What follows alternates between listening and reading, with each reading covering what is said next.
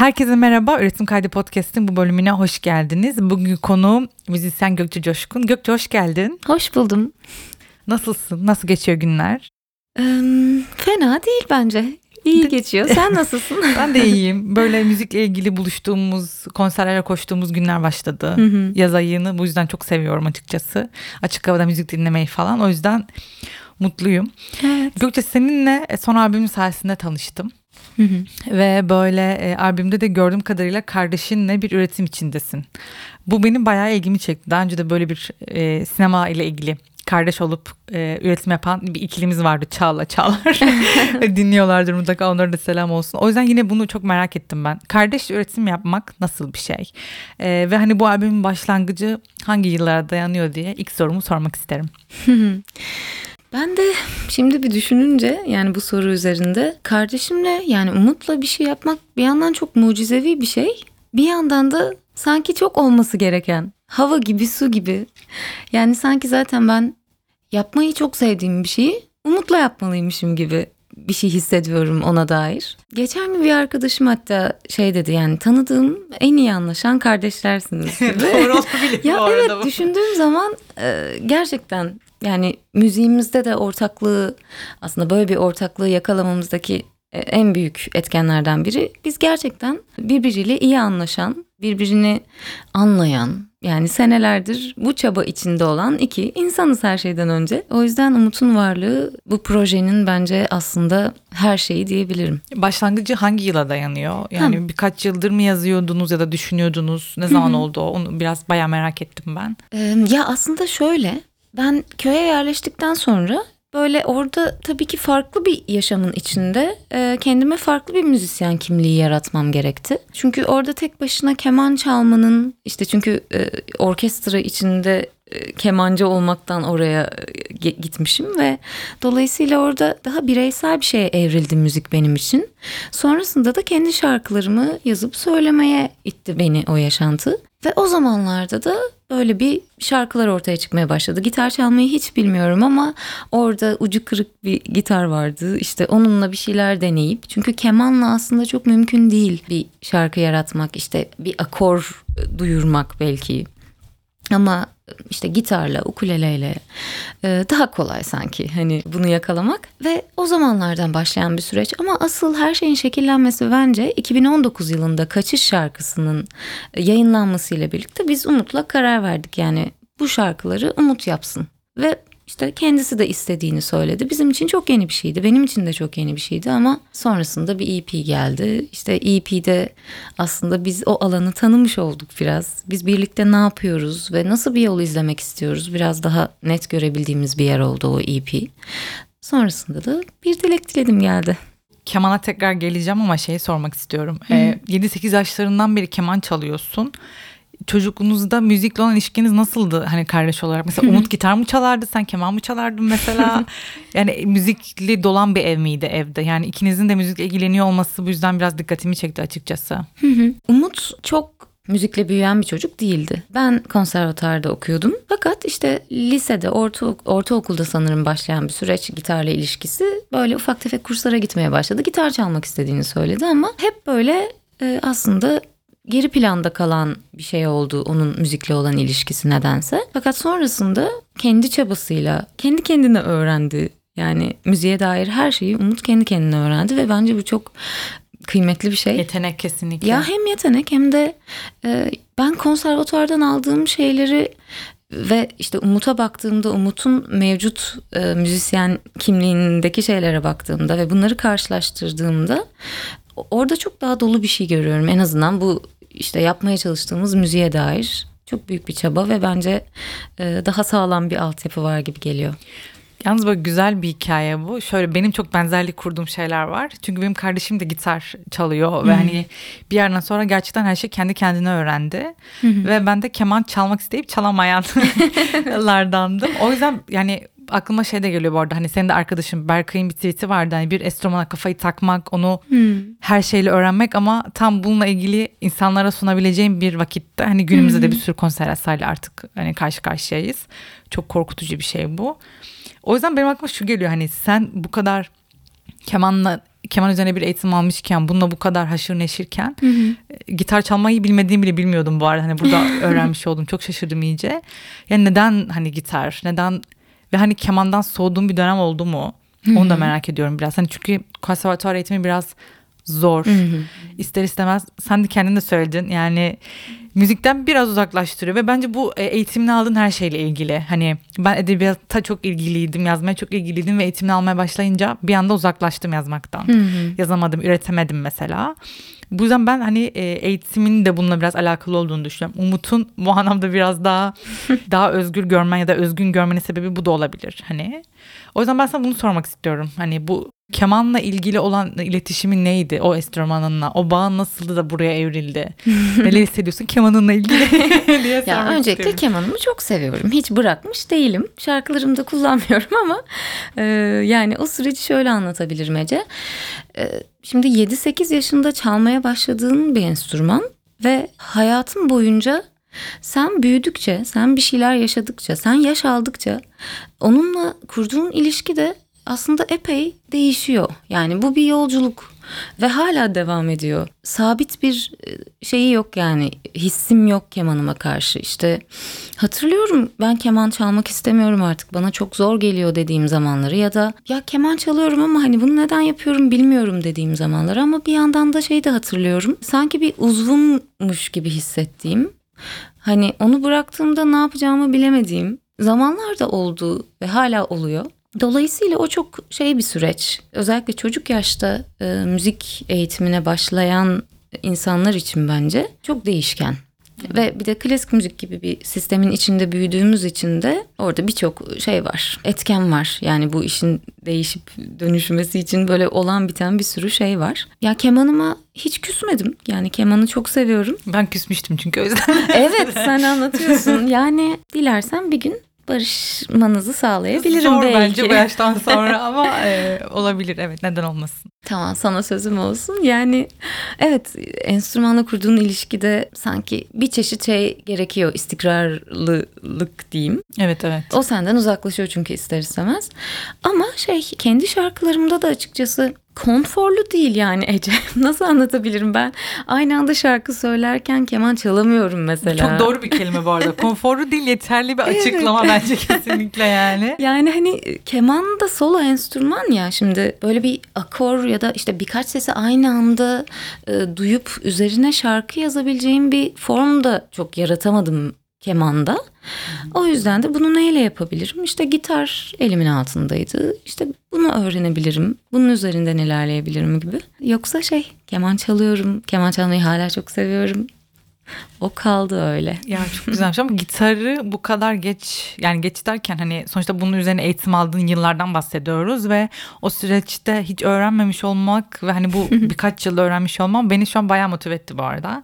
Çünkü benim de böyle hani kardeşim gitarını çalmaya çalışmak gibi bir e, motivasyonum var bu ara. O yüzden ben bunu tuttum. Yani evet olur yapabilirim ve aldım şu an yani bayağı mutlu oldum. Ya tabii ki yapabilirsin. Sadece yaptığını düşün. Çünkü ben asla gitar çalmayı hala bilmiyorum ama e, bir şekilde şarkılarımın bir parçası haline getirmeye çabalıyorum ve bu hoşuma gidiyor. O yüzden bence yapılabilir. Çalmayı bilmeyen haline çıkan albüm buysa bu arada hani bilemiyorum çalmayı bilsem ne olur ama Albümde Umut çalıyor neyse ki bu arada. O zaman Çanakkale'ye taşınma, bu köye taşınma sürecinle biraz başlayalım. Şey merak ediyorum, e, daha önce İstanbul'da yaşıyordun diye biliyorum. Ee, yani bu şimdi büyük şehirde hani bir kaos olması, işte üretimi etkilemesi çok konuşulan bir şey. Hani hem e, şehrin kendisinin kaosundan ötürü hani bir yandan bir yere gitmekle zorlanmamız ya da ne bileyim hani biraz böyle büyük şeye zaman çalan bir şeydir ya. Kendine vakit ayıramazsın gibi bir şey de var. Hani sen Çanakkale'ye taşındıktan sonra o köy hayatı vesaire hani buna ilk karar vermem bununla ilgili bir şey miydi? İlk onu merak ediyorum. Hani ben müziğe daha fazla zaman ayırmak istiyorum. işte kendime daha fazla kalmak istiyorum gibi bir yerden miydi? Ve bu hani nasıl bir süreçti? O karar vermek bence zor bir karar olsa gerek diye düşünüyorum ben. O yüzden onu da bizimle paylaşırsan çok mutlu olurum. Tabii ki ya bu sorular için de teşekkür ederim. Benim için de aslında neyi neden yaptığımı hatırladığım ve böyle o zamanlara dönüp gerçekten çok teşekkür ederim. Resim kaydı bu- bunun için var Evet, diyorum yani iyi gerçekten. Teşekkür ederim. Yani şöyle Ece, köye yerleşmek, bir kolektifin bir parçası olmak, yaşadığım şehri terk edip bir yere gitme fikri e, yoktu. Yani hiç böyle bir düşüncem yoktu. Ama şöyle bir şey vardı. Ben burada debelenip duruyordum İstanbul'da. Yani aslında yapmak istemediğim şeyleri yapıyordum. Çünkü burada yaşamaya çalışıyordum bir şekilde. Ve yani evet e, müziğe dair bir şeyler yapıyordum ama işte bana dair değillerdi. E, başkaları için yaptığım şeylerdi çoğunlukla. E sonra e, çocuklarla çalışmayı çok seviyorum. Ve hangi şehire gidersem gideyim o çocukları bulacağımı da biliyorum. Ve işte Orman Evi diye bir kolektife gittim Çanakkale'nin bir köyünde. O kolektifteki insanlarla tanıştım. Ee, sonra aşık oldum. ve sonra işte e, oraya yerleşmeye karar verdim ve tabii bir süre şey oldu yani İstanbul'da işim var, mevcut bir işim var ama haftanın üç günü oradayım, dört günü buradayım. Kendi şarkılarım yok o zaman. Sadece kemancı kimliğim var ve sonra belki de hani oradaki yaşantının içinde kendime bir yer açmaya çalışırken ya da o kolektifin içinde ben ne yapabilirim kendi kimliğimle burada diye sorgularken bir şekilde bu şarkılar ortaya çıktı. Bir ifade biçimi olarak ortaya çıktı. Çok öğretici bir süreçti tabii ki. Yani alışkanlıklarımdan uzakta yepyeni bir yaşamı deneyimleyerek böyle hiç plansızca oraya gitmek de bayağı öğreticiydi. Üretimini etkiledi bu anlamda. Yani olumlu olarak etkiledi üretimlerini. Yani bence üretimi üretmeme sebep olan yer hani etkilemesinden ziyade üretmeye başladığım yer oldu. Sadece icracıydım neticede ama orada başka bir şeye evrildi gibi. O zaman bu albümden önce bir şeyle başlamak istiyorum. Bu Şebnem Aslan'ın hazırladığı stop motion bir videonuz var. Ee, yani mesela stop motion bile yine böyle zor bir tekniktir. Ya sen biraz zoru da seven birisin gibi. Keman çalmamdan Değil mi? Aynen öyle olmaz. kesinlikle. Ee, ben, ben öyle ben öyle düşündüm. Yani stop motion nasıl karar vermiştiniz? hani şarkıyla birlikte düşündüğünüz bir şey miydi yoksa sonrasında mı çıkmıştı? Ben o video üzerinde bunu sormayı çok istemiştim. O yüzden onu da sorayım. Ya o çok acayip bir süreçti Ece. Çünkü pandemide aslında yapmaya çalıştığımız bir şeydi. Hikayesi de benim işte köpek arkadaşım Pan'la yürüyüşlerimizde işte üzerine düşündüğüm korkular çünkü hayatım boyunca beni çok hayatımı zorlayan şeyler oldular temelde. Ve sonra işte Pan'a adadığım, onunla olan ilişkimize adadığım bir şarkı Çanakkale'nin köylerinden birinde bir stüdyo keşfettik biz. Yani böyle Aa. evet böyle şeyler de oldu. İşte Bülent diye bir arkadaş ve onlar da köye yerleşmişler ailecek ve böyle bir taş evi arazilerindeki bir taş evi bir stüdyoya çevirmiş. Dolayısıyla biz de böyle bir şekilde orayla bir iletişim kuruldu ve ben ukulele kayıtlarını, gitar kayıtlarını, vokal kayıtlarını orada yaptım. İstanbul'a çünkü gelip gidemiyordum pandemiden dolayı ama orada ne yapabiliriz diye düşündüğümüzde ortaya böyle bir şey çıktı. Sonrasında işte o zaman Can Kuman e, düzenlemesini yapmıştı. O da İstanbul'dan el attı sağ olsun uzaklardan da olsa. Şebnem benim arkadaşım ve çok seviyorum yaptığı her şeyi. Şebnem'e de çok kısa aslında bu şarkı neden var ve nasıl ortaya çıktığı anlattıktan sonra bana direkt böyle bir kliple geldi ve bence kurgusu yani hikayeyle çok iç içe oldu. Bunda da Şebnem'in tabii ve dostluğumuzun çok büyük bir payı var bence birbirimizi doğru okuyor oluşumuzun diye düşünüyorum. Ee, benim de sanırım e, yani en çok içinde olmayı sevdiğim işlerden biri korkmadan. Çok güzel anlattın ya. Ya gerçekten klibi mutlaka izleyin diye dinleyenlere söylemek istiyorum burada. Şimdi ben biraz provalara gelmek istiyorum. Ee, albüm biraz böyle melankolik. biraz mı? biraz. Bir dilek diledim yani. Biraz melankolik ve şeyi düşündüm böyle. Ee, bu ekip provalarda acaba nasıl bir motivasyon içerisinde ya da hani böyle şey provadalar bir anda düşüyorlar mı? Hani şarkı söyledikten sonra tekrar nasıl yükseltiyorlar kendilerini falan diye. Hmm. Gerçekten provalar nasıl geçiyor? Yani tüm o ekip bir de bu, bu sayede belki isimlerini de hani tekrar anlarız çok güzel olur. Evet yani sorumuz bu. Üretim kaydı olarak provalar nasıl geçiyor diye sormak istiyorum. Ya provalar çok tatlı bir soru bu arada yani işte hayalet çalıyorlar ve artık çok yaşamdan soğumuşlar falan yok öyle bir şey olmuyor. Aslında şey çok yeni bir ekibiz bir yani biz Ece. İşte Umut Burkay Coşkun elektrik gitarlardan biri kardeşim olan. Yavuz Eyüp Yavuz Mercan çok yetenekli bir arkadaşımız. O da ikinci gitaristimiz. Bas gitarlarda Eren Dede Canoğlu var. Ee, ve Berkay Küçükbaşlar davullarda. Ee, ve biz aslında ya işte albüm sürecinde e, yer alan ekip olarak sadece ben, Umut ve Berkay varız. Ama sonrasında biraz da şeyle ortaya çıktı bu. Ya evet biz bu albümü yaptık ama işte canlı canlı çaldığımızda bizim bir ekibe ihtiyacımız var tabii ki diye. Böyle bir arayışa girip e, e, bence çok yani provalar da aslında ya ne kadar güzel olduk ya biz birlikte diye düşündüğüm benim bireysel olarak. Aslında çok bütünlüklü bir şeyin içinde hissettiğim. Herkesin sahiplendiği bu projeyi. Evet projenin adı Gökçe Coşkun ama ben istiyorum ki bu bizim olsun. Bu şarkılar hepimizin zaten. Ve onlar da bunu bana yaşatıyorlar gerçekten her seferinde. Babylon konserinde bence çok büyülü bir şey yaşadık hep birlikte. Dilerim ki devam eder. Çok seviyorum arkadaşlarımı. Sahnedeki enerjiniz geçiyor zaten bu arada yani o böyle kolay bir şey değil hani herkese de böyle gerçekten nasip olmuyor bence yani o enerjiyi Bence de, sinerjiyi evet. yakalamak çok zor müzikte o yüzden e, bunu sormadan edemedim. ya böyle şey sormak istiyorum E, yani tekli olan şarkılarında da hani bu albümde de hani şarkıların adı bile hani başlı başına bir öykü çıkartabilecek e, isimdeler gerçekten ve ben şey düşündüm hani bunun altına derin bir okuma yatıyor bence. Yani Gökçe çok okuyan e, bir insan diye düşündüm ben albümü dinlediğimde de. O yüzden hani sen neler okuyorsun gerçekten yani roman mı daha çok seversin öykü mü şiir mi yani böyle e, bütün dünya edebiyatı yerli edebiyatlar hani her şeyi düşünebilirsin. Ya böyle gerçekten ayırmadığın başucu kitapların var mı merak ediyorum. Bu soruyu sorduğunda aklıma şu geliyor Ece. Bizim evimizde kocaman bir kütüphane vardı ve televizyonsuz bir evde büyüdük.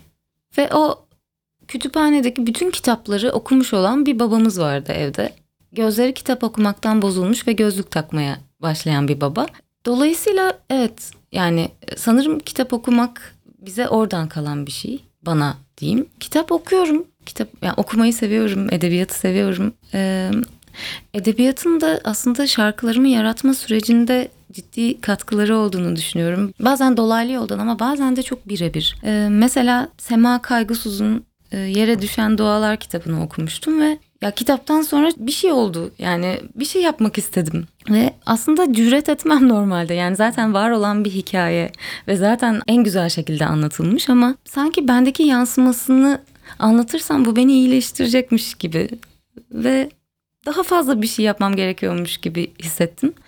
Ve sonra bu bizim çaresizliğimiz Yorgo diye bir şarkı çıktı. O şarkı bir solukta çıktı ve e, Yere Düşen Doğalar kitabının bende bıraktığı etkisiyle yazıldı. İşte Çanakkale'de çalış, e, tanıştığım Cengiz Kara diye bir e, arkadaşımız. Onun da kendi öykü kitabı vardı ve orada da Zayak adlı bir öyküyü okuduğumda benzer bir şey hissetmiştim ve ismi Zayak olan bir şarkı ortaya çıkmıştı. Yani dolayısıyla bence çok iç içe edebiyatla olan ilişkim ve şarkılar bazen gerçekten çok doğrudan etkilemiş. Hissetmişim gerçekten. Evet bu soru Bu hakikaten... kadar nokta atışı kitaba da vereceğini düşünmemiştim ama gerçekten çok hissediliyor yani. o zaman madem e, okumak dedik biraz da yazmaya gelelim. Yani ben şarkıda şey çok merak ediyorum. Bazı müzisyenlerde ilk nakarat çıkar sonra böyle hani verse dediğimiz o ilk cümleler hani çok daha sonradan böyle bekledikçe çıkar falan. Sen de her şarkıda tabii ki de ayrı ama genel olarak hani üretim sürecinde bu nasıl ilerliyor? Hmm. Yani en başa döndüğümde beni o şarkıyı yazmaya iten şeye gittiğimde sanırım bir durumdan kendimi kurtarmaya çabalamak. Yani beni sıkıştıran bir şeyler oluyor bence. Ve o sıkışık hissettiğim yerden biraz daha aydınlığa çıkmaya ihtiyaç duyuyorum. Ee, ve evet hep farklı formlarda kendini belli ediyor ee, ya da farklı şekillerde çıkıyor şarkılar. Önce işte bir yazılı olan bir şeyin üstünde önce sözleri yazıyorum sonra bir şeyler mırıldanırken ortaya çıkıyor. Ya da tam tersi oluyor bir melodi buluyorum ve onun üstüne bir şey yazmamışken o an ortaya çıkan şarkılar oluyor. Bir iç çekiş gibi ve onları seviyorum, onları çok seviyorum. Dolayısıyla tek bir şeyi yok bence bunun formülü benim açımdan. Mesela bazen şarkı isimleri de ilk çıkar, sözler sonra çıkar. Sen de az önce anlattın aslında tam olarak bunu hani ilk çıkıyor gibi hani onun üzerine daha bir çatıyı kuruyorsun gibi hissettim ben anlattığından. O yüzden bu da yani üretimin sürecini kayıt altına almak için önemliydi. O yüzden teşekkür ederim. Rica ederim. Ya şöyle onu şöyle söyleyebilirim. Şarkının ismi hep en son ortaya çıkıyor Ece. Ama e, evet sözler zaman zaman ilk önce çıkabiliyor ortaya. Hafta sonu Babilon'daki bir etkinlikte çok acayip bir etkinlikti. Yani ben hani ilk kez gördüm böyle bir şeyi. Ee, Yani vardır mutlaka belki daha öncesinde ben ilk kez gördüm. Böyle bir cam, camın içerisinde gerçekten radyo yayını gibi bir, şeyde. Hani insanlarla şarkılarınla iletişim kurduğun bir etkinlikti. Ee, Ben albümü e, Ankara'da trenle Ankara'ya doğru giderken dinlemiştim ve şey demiştim. Hani Gökçe ile otursam hani bu sözleri birbirimize söyleyerek iletişim kurabilirim dediğim bir şeyden 3-4 gün sonra bunu böyle etkinlik olarak görmek beni bayağı böyle şaşırttı yani zihnim okundu falan oldum böyle. ya o yüzden bu etkinlik yani gerçekten senin için nasıl bir deneyimdi? Neler hissettin? Dinleyicilerle böyle bir bağ kurmak ya bence çok çok farklı bir deneyim yani. kesinlikle. Yani ne, neler hissettirdi sana önce onları sormak istiyorum. Ya aslında bunu e, 8 Mart'ta Kadıköy'de semtine has festivali kapsamında e, işte Hoodbase'den arkadaşlarımızın böyle davetiyle gerçekleştirdiğim bir şeydi öncesinde ve benim için çok e, yeni bir şeydi. İlk defa ben kendi şarkılarımı gitarla e, birilerine söylüyordum. Daha önce belki Umut'la çalmışım mesela ya da bir ekiple çalmışım ama ilk defa orada tek başıma bunu yapıyorum. Tabii ki öncesinde acaba nasıl olacak yani bu birebir etkileşim hali beni hep çok heyecanlandıran bir şey olmuştu. Ve ne kadar güzel bir iletişim biçimi olduğunu düşündüm. Ve sonrasında Babilon'da da aynı sahnede, minik sahnemizde aynı şeyi yaşayınca orada paylaştığımız her şeyin çok kıymetli olduğunu düşündüm. Çünkü şey çok direkt bir iletişim ya. Şarkılar üzerinden kurulan insanların işte senin şarkılarına dair bir şeyler söylediği, işte gözlerine baktığında aslında seni dinlediklerini görmek. Yani senin için oradalar ve sana zaman ayırıp seni dinliyorlar. Ve ben de onlar için işte bir şeyler çalıyorum bir yandan falan. Ee, o karşılıklı ilişki biçimi beni çok etkiledi. Farklı bir deneyim hakikaten. Ya çünkü hani konserde bir kalabalığa söylemek tabii ki de çok güzel bir şey. Hani oradan başka insanlarla anlık göz göze gelmek ama hani dediğim gibi bir aslında minik stüdyoda canlı bir şeyin içinde seni dinleyenle doğrudan ilişki kurmak. Hani bu bana böyle çok şey geldi. Yani şey düşündüm. Ben böyle bir podcast yapmaya çalışsam falan aa tanrım falan hani oldum böyle. Yani bir yandan çünkü etrafında da hani e, camın camlı bir şeyin içinde olduğun etrafındaki insanlar da aslında seni görebiliyor bir yandan da. O yüzden bayağı farklı bir deneyim bence de. Ve hani biraz böyle müziğin e, kurmak istediği o güzel iletişimi böyle çok böyle altını çizen baya böyle onu güzel Berraklaştıran aslında. Evet, evet çok önemli bir şey olduğunu düşündüğüm için ben çok e, beğendim yani o deneyimi çok. Yani ben ben de anlatamıyorum ifade edemiyorum ama böyle Mor Ötesi konserinden sonraki bir etkinlik olduğu için o da böyle ard arda müzikle ilgili sürekli düşündüğüm iki Hmm. gün geçirdim ve böyle artık kalbim pırpır etti yani o hafta sonu. Ah ne güzel. Evet yani gerçekten çok güzeldi. O zaman ben e, şunu sormak istiyorum. Benim başka sorum kalmadı. Sen eklemek istediğin bir şey var mıdır? Davet kabul ettiğin için çok teşekkür ederim orada geldiğin için. Ben teşekkür ederim. Çok güzeldi. Ben tekrar teşekkür ederim. E, dinleyenlerle bir sonraki bölümde görüşmek üzere diyorum. E, aynı zamanda Apostol'a yer alan üretim kaydı bülteninde de burayla ilgili konuştuğumuz linkler ya da fotoğraflara, videolara ulaşabileceğinizi de hatırlatmak isterim. Görüşmek üzere. Görüşmek üzere.